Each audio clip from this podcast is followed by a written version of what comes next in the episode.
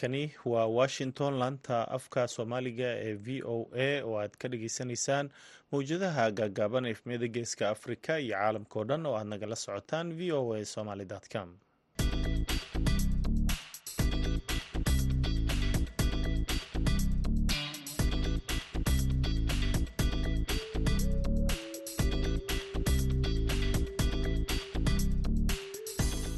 duhur wanaagsan dhegaystayaal waa kuwdii iyo barkii duhurnimo xilliga geeska afrika iyo lixdii iyo barkii aan iraahdee shantii iyo barkii aruurnimo ee xilliga washington d c maalin khamiis ah labada bisha maarij sanadka laba kun iyo saddex iyo labaatanka.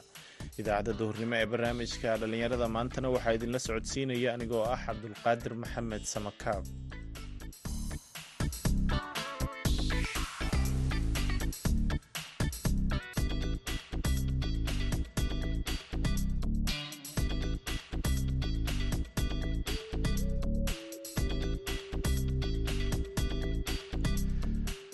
qodobada aad ku dhegaysan doontaan idaacaddeenna duhurnimo waxaa ka mid ah dhallinyarada dhadhaab oo hay'adaha ka codsaday in laga taageero kubadda cagta. Sbortiska kaalin weyn buu dhallinyarada uu ka dhisi jiray. Waxa uu ahaan jiray heer koowaad heer labaad aan lahaan jirnay. Adiga sidii horyaalada yurubada camal loo ciyaara camal? Maamulkooda ka jiri jiray. Marka adiga waxaan ahaan jiray lix iyo toban siini ah iyo soddon iyo laba oo division ah marka sanad walba horyaal baa noola qaban jiray. Waxaa kalooad maqli doontaan kulan dhallinyarada looga wacyigelinayo tahriibka oo lagu qabtay magaalada boosaaso kaalmihii heesaha iyo ciyaarihii ayaad sidoo kale dhagaysan doontaan balse intaasoo dhan waxaa ka horreeya warkii dunida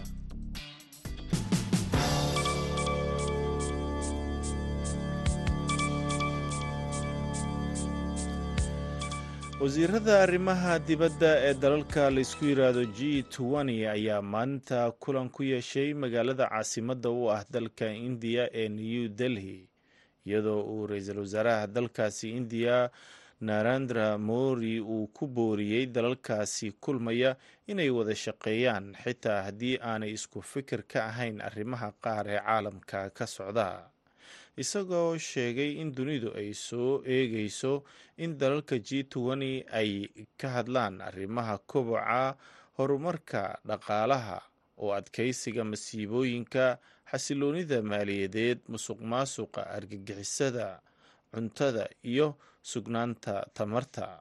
Kulankan ayaa imaanaya xilli ay xiisadda ka aloosan dunida ay sii kordhayso islamarkaana uu sii kobciyo dagaalka ka socda ukrein iyadoo wasiirada arrimaha dibadda ee dalalka mareykanka anthony blinkan iyo ka ruushka sergey levrof iyo midka arrimaha dibadda ee shiinaha king jang ay ka mid yihiin mas'uuliyiinta shirka ka qeybgalaysa gabagabada shirka ayaa lagu wadaa in laga soo saaro warmurtiyeed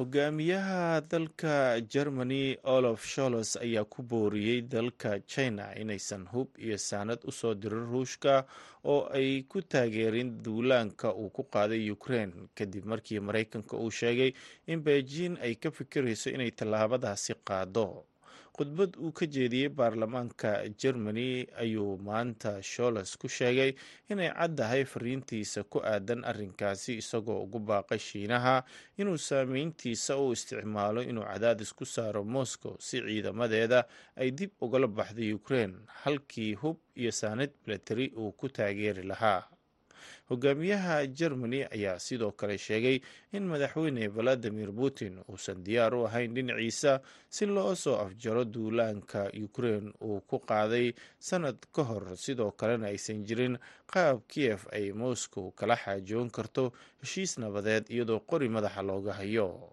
Hadalka hogaamiyaha germany ayaa hogaamiyaha germany ayaa intaasi raaciyey in ukraine ay ciidamo u tababarayaan iyadoo hadalkiisa uu qeyb ka yahay dadaallo ay dalalka reer galbeedka ku doonayaan inay ku cadaadiyaan ruushka si uu u joojiyo dagaalka sannadkii labaad lugaha la galay ee uu ku qaaday dalka ukraine. Dhegeystayaal warkeennii dunidana waa nageynta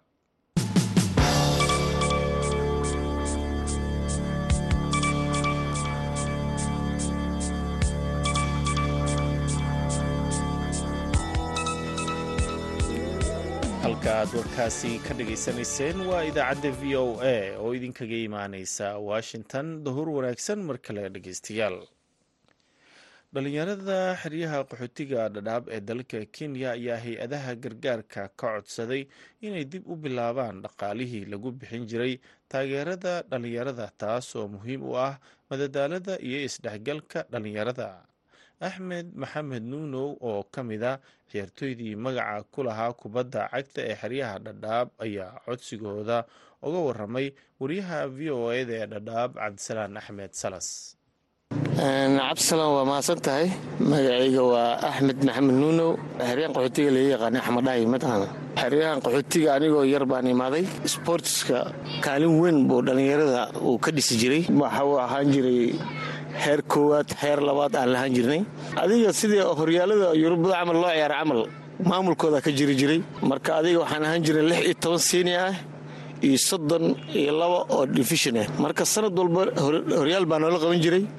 Horyaalka saddexna waxay ka soo baasi jirtay divishinka saddexna waxay ka noqon jirtay horyaalka seerwanka ka laaban jirtay waxay u laaban jirtay gadaal. Aniga waxaan u soo ciyaaray kooxii noolmasuur la yidhaahdo waan badneen olombiga ka mid aheyd citiga ka mid aheyd waxaa ka mid ah atlanta. Koox badan waama aad ku jiri jirtay. Ada toban sini ahaan jirnay. Waa tahay axmedow tartamada koobabkii la qaban jiray xilligaas ay hay'adaha dhaqaalaha ku bixin jireen. Maxaa ka mid ahaa? Tartamada la qaban jiray waxay horyaal oo xerada xerooyinka loo qaban jiray saddexda xero. Horyaalkaas kooxdii qaado iyo lambar two waxaa loo qaban jiray saddexda xeroo lix tiima ka imaada champions league waxaa lala qaban jiray. Champions leaga marka champions league ugu horrey lagu qabtay heed ifo annagoo lix kooxa laba xaga dheer ka socota laba dhagaxli laba ifay ahaayeen. Horyaal fiican buu ahaa liig fiican uu ahaa oo dadka taageero fara badan macala xeryaha laiskugu imaan jiray. Hay'adda iyadana garab nagu siin jirtay. Dhallinyarada lagu mashquulin jiray. Hay'adaha waxaa jireen daawan jiray. Waxay ka xulan jireen rag xul ah cayaartooydii markaa soo baxo oo muhiimka ah. Wax xula laga qaadan jiray. Saddexda xero lix iyo lix iyo lixa laga qaadi jiray. Waxaa loo qaadi jiray gaaris nairobi kakuma loo qaadi jiray. Adiga waxaad ka mid tahay cayaartooydii xulka dhadhaab matalayay dhowr jeer waxaa nasiib u yeelatay inaad safaro ka baxsan xeryaha gudaha dalka kenya u gaarto. In safarkaagii iyo dabcan halka aad ku cayaarteen kooxii aad wajahdeen haddii aad xustaada ku laabato. Waxay ahayd aniga xulkii ugu horreeyey oon baxo annagoo saddex xero inta ka soconno waxaan aadnay kakuma. Kakumaan ku soo ciyaarnay. Nasiib wanaag adiga maadaama aan meeshii safar ku tagnay geemkii asagii hawaana laga badiyey kii labaad wuxuu ahaa gaarisaan tagnay. Gaarisaan la ciyaarnay iyadana oo ku soo badinay laba iyo hal ayaan ku soo badinay. Safaradii labadaas ayaa ka mid ahaayeen. Horyaal dad marta qiimo lahoo la qiimeynayo oo la xasuusayaho alla markii wax loo baahan yaha loo wacaayo maamul fiicanoo kala dambeyn leh ayaan ahaan jirnay. Waayahay haatan isboortiga xeryaha bal ka waran markaad aragto heerka uu gaaray taageero la'aanta haydaha dabcan ka muuqato. Laakiinse haddan markaa fiiriso sboortiska marka hore hadda hadda aad ayuu marka gacanta uga baxay dhallinyaradii wax taageero haystaan ma lahan. Haydihii oo taageeri jira hadda male wixii. Labadii cunugba tiimba iska samaysteen taageero xagga haydihii ma haystaan? Dhallinyaradii oo dhanna waxay u bateen maaragtay balud iyo berigi hore sboortiska markuu sharciga u lahaa dhallinyarada balludu ka ilaalin jiray. Sanadkii laba mar afar jeer camal liiga la qaban jiray. Waayahay in kaalinta isboortiska ku lahaa nabadda isdhexgalka bulshada qaxootiga. Sidee bay ahayd? Aad aad ayuu u fiicnaan jiray berigaas dhallinyarada maanta labadii afka isku qoonta ama gacan isu qaada isla markiiba isla dhallinyar ahaana lagu xalin jiray wax oo saa u sii weyn ma noqon jirin. Dhibaatooyinkan qaladaadka ama dagaalada ka dhacaya isboortiga gudihiisa marka garoomada lagu cayaarayo n qayb ma ku leedahay dhaqaal la'aanta dhacday iyo taageero la'aanta n isboortiskii laga sii jeestay? Haa aad iyo aad maxaa yeelay tobabaro ku qaas ah oo kooxda tababarayo ma lahan. Garsooro isagana la soo tababaray oo fiicanna ma lahan. Midda kaleo taas samaynaysa waxaa waaye dagaalka faraha hadda waxa keenaya waxaa ilmihii liigay qabsanayaan. Wax lacag iyaga jeebkooda ka soo ku dhigtaan. Waa wax qamaar camal ay dhiganayaan. Taasaa markii qaraarkii dagaal waxaa keenaayo koox walbo hadda wixii waxaa adigoo sharciga saxiixaya haddana biri kamaal waxaa leedahay maba ku jiriba waxay tiri lacag jeebkaada adaa ka dhigatay ilan xeer ku qabta ma laha wixii waa qamaar. Haa xeer ku dhigtay xeer ma wala qamaar sidiisaba laakiin wixii hayadda markay ku taageeraysa ayada koob kuu dhigto oo kabihii wix walba ku siinayso oo hay'addii booliiska wadato oo sharci adag baa jira meeshaas. Waa tahay. Axmedow ugu dambayntii fariinta aad siin laheyd bahda isboortiga iyo hay'adaha taageeri jiray maxaad leedahay? Waxaan dhihi lahaa dhallinyarada in maaragtay sida hore lagu soo celiyo hay'adaha ay taageeraan sharci loo sameeyo tiimam la duwaangeliyo meel xafiis loo sameeyo lagu duwaangeliyo iyo kala dambeyn. Dhallinyarada sida hore lagu soo celiyo waxyaabo badan ee dhallinyarada jirdhisin haddii la caafan ahaan haddii la dhaho nabadda haddii la dhaho balooniga nabadda aad aaga shaqeeya. Nabadda haddii la dhaho marka waxaan codsan lahaa sida hore in lagu soo celiyay kala dambayntii iyo maamulka iyo xafiiskii loo sameeyo dhaqaalo lagu taageero yaan codsan lahaa ma garate kaasi waxa uu ahaa axmed maxamed nuunow oo ka mid a ciyaartooydii magaca ku lahaa kubadda cagta ee xeryaha qaxootiga dhadhaab ee dalka kenya. Wuxuu u waramayay wariyaha v o eda cabdisalaan axmed salas markana dhegeystayaal waxaad ku soo dhowaataan kaalmihii heesaha. Heestii lilaahi waxaa ku luuqeynaya iidla yare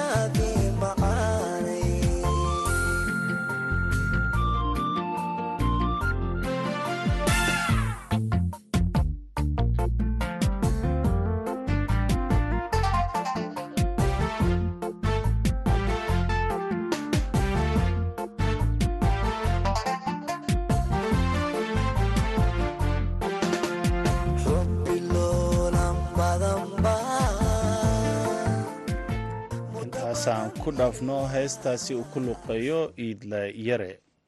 Magaalada boosaaso waxaa lagu qabtay kulan dhallinyarada looga wacyigelinayay tahriibka iyo khatarta socdaalka sharci darrada ah. Warbixintan waxaa boosaaso ka soo diray wariyaha v o eda yuusuf maxamuud yuusuf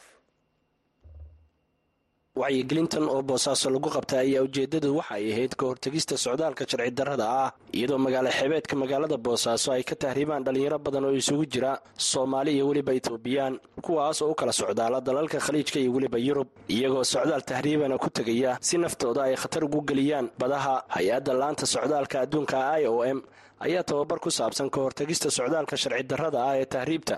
Waxay ku soo gebagabaysay magaalada waxaana ka faa'iidaysanayay qeybaha kala duwan ee bulshada kuwaas oo u badnaa dhallinyarada baashe cabdi maxamed iyo irshaad sheekh yuusuf oo tababarkan macalimiin ka ahaa ayaa sharaxay waxa dhallinyarada ay uga dhigan tahay tahriibta sharci darrada ah.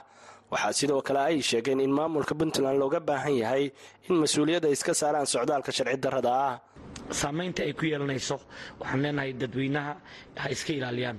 Maamulka puntland waxaan jeclaan lahayn arrinkan socdaalka in la adkeeyo. Siiba tahriibka dadkan baxayo ama saamaynta ay nagu leeyihiin in dib loo eego oo arinkan laga hortago. Haddii aan sii ogolaano inuu sii socdo dhib badan ayaa ka imaanaya. Labaadna waxa waaye reer boosaaso iyo communitiga nagala soo qayb galeen barnaamijkan ayagana aad u mahadsan yihiin. Xogtooda nala wadaagay brogramkii wakhtiga sidii loogu talagala aga qayb qaatay wakhtiga ilaaliyey xog badan iyo information badan nala wadaagay time tableka nala ilaaliyey. Aadaa ugu mahadsantahay marka koobaad aadaan aga mahad celinaynaa boosaaso saan hore u sheegnay muhiimad goonihi ayuu brogramkan u lahaa in la wacyigeliyo bulshada ku nool. Bulsho kastana maanta fikirka iyo qaab dhismeedka maanta meel kasta ay joogaan waxay ku xiran tahay wacyi ay haystaan iyo intuu la egay fikirka. Nabadoon cali maxamed dakhar oo ka mid ah dhaqanka magaalada boosaaso oo ka qayb ahaa wacyigelinta dhallinyarada tahriibka ayaa sheegay in dhallinyaro badan ay khatar naftooda u geliyeen si ay u tahriibaan. Meel kastoo laga eego tahriibtu waxa weeye waa waxxun dhaqan xun oo masiibo ah weeye sidiisaba qofka dhulkiisa wax u dhaamaa ma jiraanin. Waddaniyadda waxa yaqaan qofkii qurbaha mara ama ka warhaya baa waddaninimada iyo ciiddu waxay tahay yaqaan. Boosaaso waa biriijkii isku xirayey tahriibta waa meeshii ugu dambaysay oo laga ilaalin lahaa tahriibta waxaa looga baxaa meelo kala duwan yurub baa laga aadaa oo waad ogtihiin ciyaalkeennii baa waxaa lagu xiraynayaa guri wadaan waxay marayaan meesha layaa libiya halkaasaa yurub ay ka gelayaan. Waxaa soo gelaya etoobiyaankii oo kala duwan oo intaasoo qabiilah waxay ka baxayaan waa biriijkan waa boosaaso wey waxaa layna ka rabaa gudiyada la sameeyey oo ay macallimiintu ay sameeyeen oo aqoonta ay idingeliyeen inaanay noqon mid halkaas aynu kaga tagno ee mid aynu bulshadana la dhexgalno aynu ku wacyigelinno sidii dadka looga wacyigelin lahaa dhibaatooyinkaas ba'an oo aynu wada aragno baa layna ka rabaa. Macallimiinta waxaan leeyahay waa mahadsantihiin. Waxa weeye waajib calayka laa shukr cala alwaajib waxaan qiyaasayaa sida aad sheegteen ma noqon doono seminaarkani kii ugu horreeyey kii ugu dambeeyena ma noqon doono. Faadumo cumar maxamed oo ka mid ah dhallinyarada aqoon-yahanka ah ee ka qaybgelaya tobabarkaasi ayaan weydiinay saamaynta dhallinyarada ay ku leedahay tahriibta walahi aad bay u xanuun badantay wax laga sheekayn karo ma ahan. Aad iyo aad bay ugu dhibaataysan yihiin dhalinteennii iyo maxaanku idhaahdaye gabdhaheenniiba intaba way ku dhibaataysan yihiin. Tahriib wax fiican ma ahan. Marka waa laga fiican yahay tahriib annaguna waxaan diyaar u nahay inaan ka wacyigelinno dhalinta iyo bulshada dhammaanteed inay iska daayaan tahriibka maadaama ay laga dhaxlo waxyaaba aada u xun. Sibaa ka mida tacadiyaha ka mida aada u xanuun badan waxaa laga yaabaa inay gabadhii iyadoo mataqaanaaye oo gabar ay halkan ka tagto iyadoo dhibaataysanoo gabarnimadeedii la dhaafiyeyna ay tagto meeshii ay u socotay ayadoo ka qoomamaynaysa runtii safarka ay soo gashay. Aad iyo aad aad bay u fara badan yihiin gabdhaha dhibaatooyinka ka soo gaaray inkastoo dee dadku markay halkaa tagaan oo ay wadamadaa tagaan aysan yaqiinta sheegaynin haddana dhibaato aad u daran bay la kulmaan. Magaalada boosaaso ah magaalo xeebeed waxaa ka tahriibaa oo khatar naftooda u geliya badaha dhallinyaro badan kuwaas oo u safra dalalka dibadda si ay nolosha ay ku haystaan dalka. Mid dhaanta ay uga helaan dibadda balse dhallinyaro badan ayaa mararka qaar waxa ay dhimasho iyo weliba jirdil kala kulmaan. Inta ay ku guda jiraan socdaalkooda tahriibta ah waxaana muddooyinka ugu dambeeyey soo badanayay wacyigelinta loo jeedinayo dhallinyaradaasi si ay uga baaqsadaan. Yuusuf maxamuud v o e boosaaso markanna waxaad ku soo dhowaataan wararkii cayaaraha maxamuud mascade ayaa inoo haya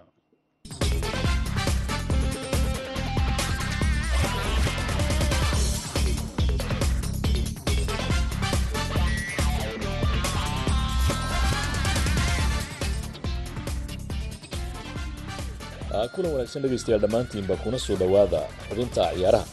Horyaalka waddanka ingiriiska laba kulan oo ka tirsanaya habeenkii xalay ah fooda la isku daray halka koobka f a kaabka kulamadii wareegga lix iyo tobanka ka dhimanaana habeenkii xalay ahaa lagu kala baxay oo afar kooxood oo kale ay soo gurubtay kooxda kubadda cagta ee liverpool ayaa gurigeeda laba gool iyo waxba horyaalka waddanka ingiriiska waxay ku dharbaaxday kooxda kubadda cagta ee wolves waxaana haatan kooxda kubadda cagta ee liverpool ay u xusul duubaysaa sidii kaalinta afaraad ee horyaalka waddanka ingiriiska ay ku xaajisan lahayd.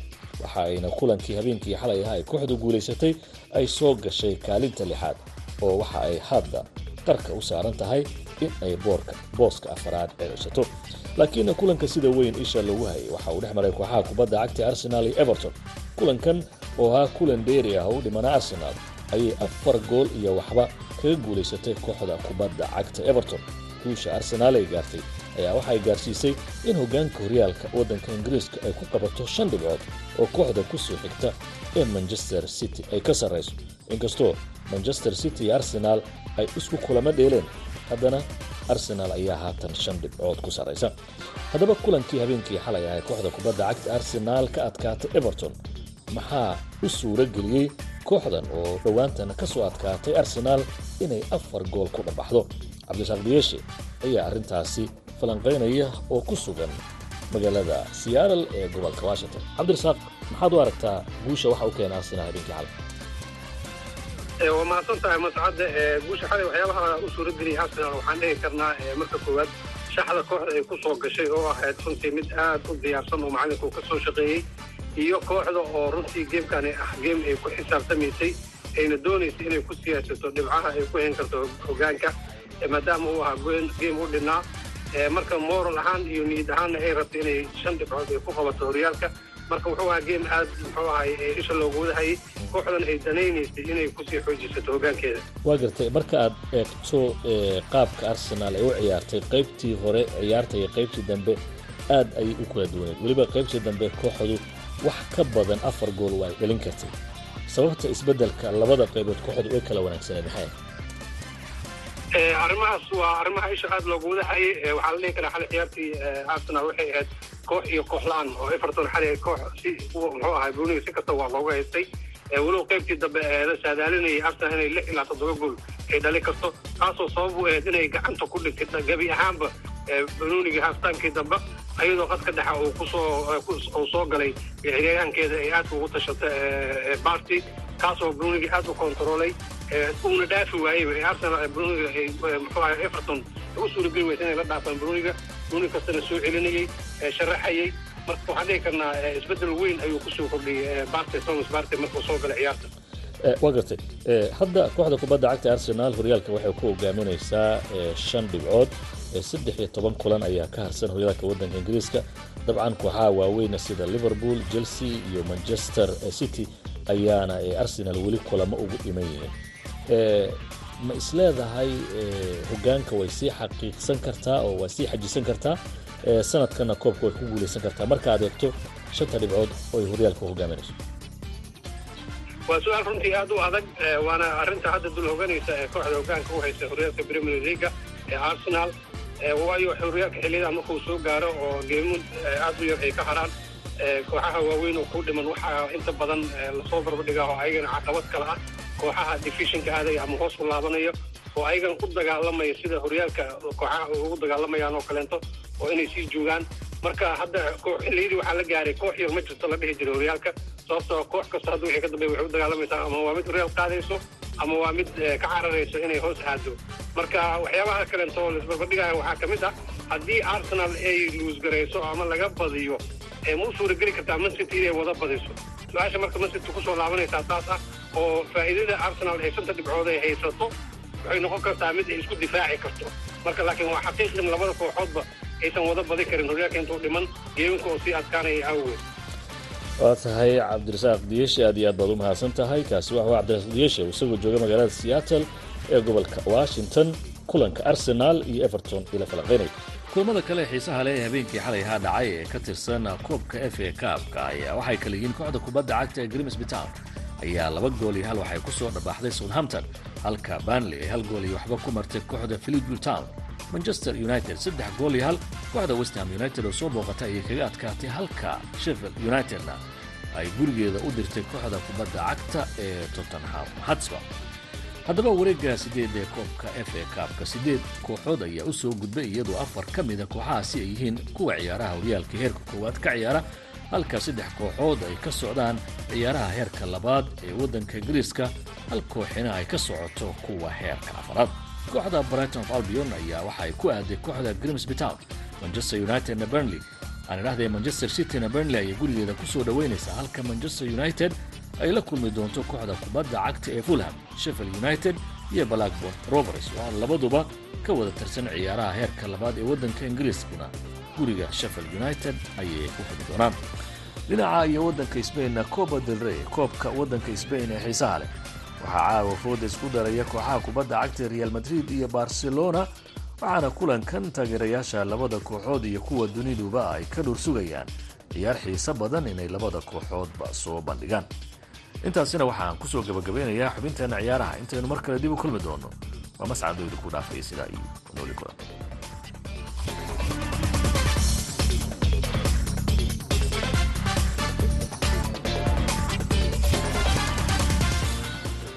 aad ii u mahadsan yahay mascade markana kaalmihii heesaha iyo heestii duufaan waxaa ku luuqeynaya fu'aad xamaraawi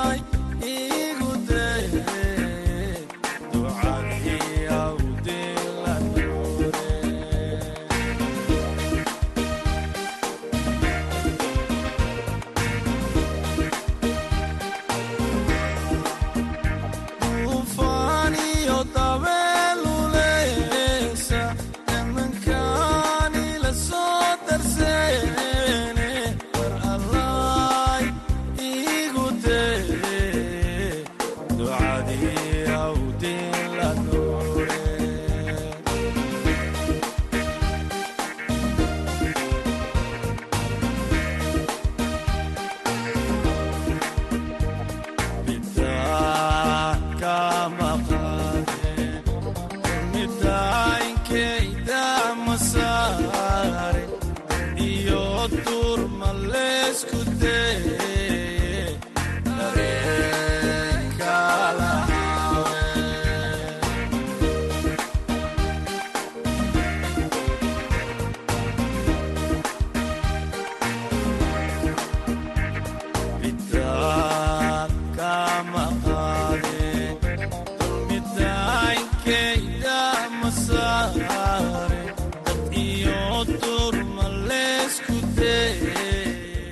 heestaasi duufaan iyo codka fa'aad xamraawi ayaa u dambeeyey idaacaddeenii duhurnimo. Waxaa idinla socodsiinaya anigoo samakaaba tan iyo kulan dambe nabadgelyo